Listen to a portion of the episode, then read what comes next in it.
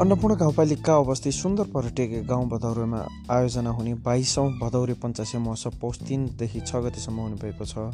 महोत्सवमा तमु लोसार तथा दोस्रो कोदो महोत्सव समेत हुनेछ। भदौरे क्लब र भदौरे आमा समूहको आयोजनामा हुने महोत्सवमा सहयोगको भूमिकामा अन्नपूर्ण गाउँपालिकाले निर्वाह गरेको छ।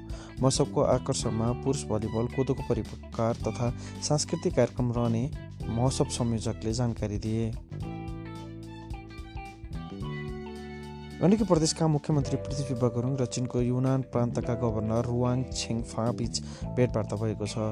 सोमबार पोखरामा भएको भेटमा द्विपक्षीय हित र सहयोग आदान प्रदानको विषयमा छलफल भएको मुख्यमन्त्रीका स्वकीय सचिवले जानकारी दिए। भेटमा सुरु भेटमा सुरुवातमा मुख्यमन्त्री गुरुङले प्रदेशको भौगोलिक सांस्कृतिक र प्रसिद्ध स्थानबारे जानकारी गराएका थिए। उनले गण्डकी प्रदेश पर्यटन र जलविद्युतको सम्भावनायुक्त प्रदेश भएकाले यसमा युनान प्रान्तसँग सहकार्य गर्ने इच्छुक रहेको बताए। यता पोखरा रङ्गशालामा आयोजना हुने तेह्रौँ दक्षिण एसियाली खेलकुद प्रतियोगिता सागका खेल हेर्नको लागि प्रवेश शुल्क तय गरिएको छ। सागको लागि साधारण टिकटका लागि एक सय रुपियाँ र सिजनल टिकट पाँच सय रुपियाँ तोकिएको छ। स्थानीय साग व्यवस्थापन अन्तर्गत स्रोत साधन परिचालन समितिले सोमबार टिकटको शुल्क निर्धारण गरेको हो। साधारण सिजनल टिकट लिएरै पोखरा रङ्गशाला परिसरभित्र छिर्ने अवसर दर्शकले पाउनेछन्।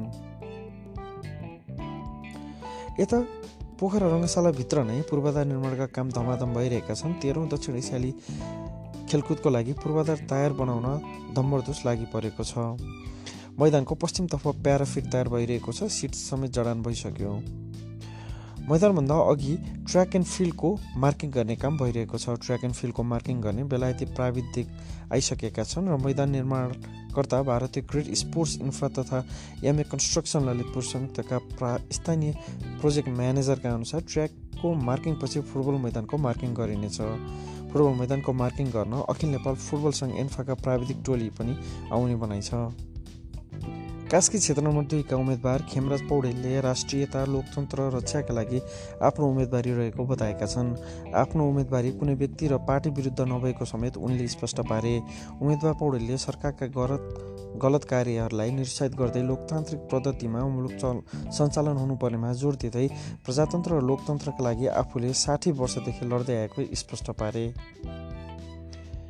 यता नेकपाको चुनावी प्रचार प्रसार घर दैलो अन्तिम चरणमा पुगेको छ। चरणबद्ध रूपमा तालिका मिलाएर घर दैलो गरिरहेको नेकपाले उम्मेद्वारसहित सोमबार पोखरा बिस मौजामा मतदाता भेटघाट गर्यो। गर्दैलोपछि आयोजित कोणसभालाई सम्बोधन गर्दै उम्मेद्वार विद्या भट्टराई अधिकारीले विकासको क्रमलाई तीव्र बनाई मौजालाई पर्यटन कृषि र खेलकुदको केन्द्र बनाउने बाजा गरिन्। खानेपानीको अभाव पूर्तिका लागि एक घर एक धारा अभियान सफल पार्ने बताउँदै उनले समृद्धिको जग बसिसकेकाले इट्टा थप्न आफ्नो भूमिका महत्त्वपूर्ण रहने विश्वास दिलाइन्।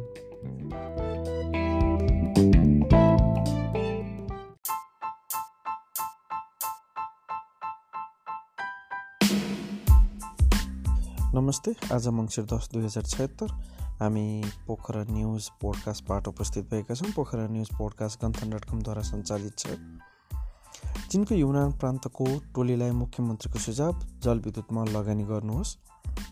भदौरे पञ्चासे महोत्सव पौष तिन गतेदेखि पोखरामा फुटबल मैदानको ट्र्याकमा मार्किङ सुरु र नयाँ बनेको फुटबल मैदानमा फुटबल हेर्ने रकम तोकियो।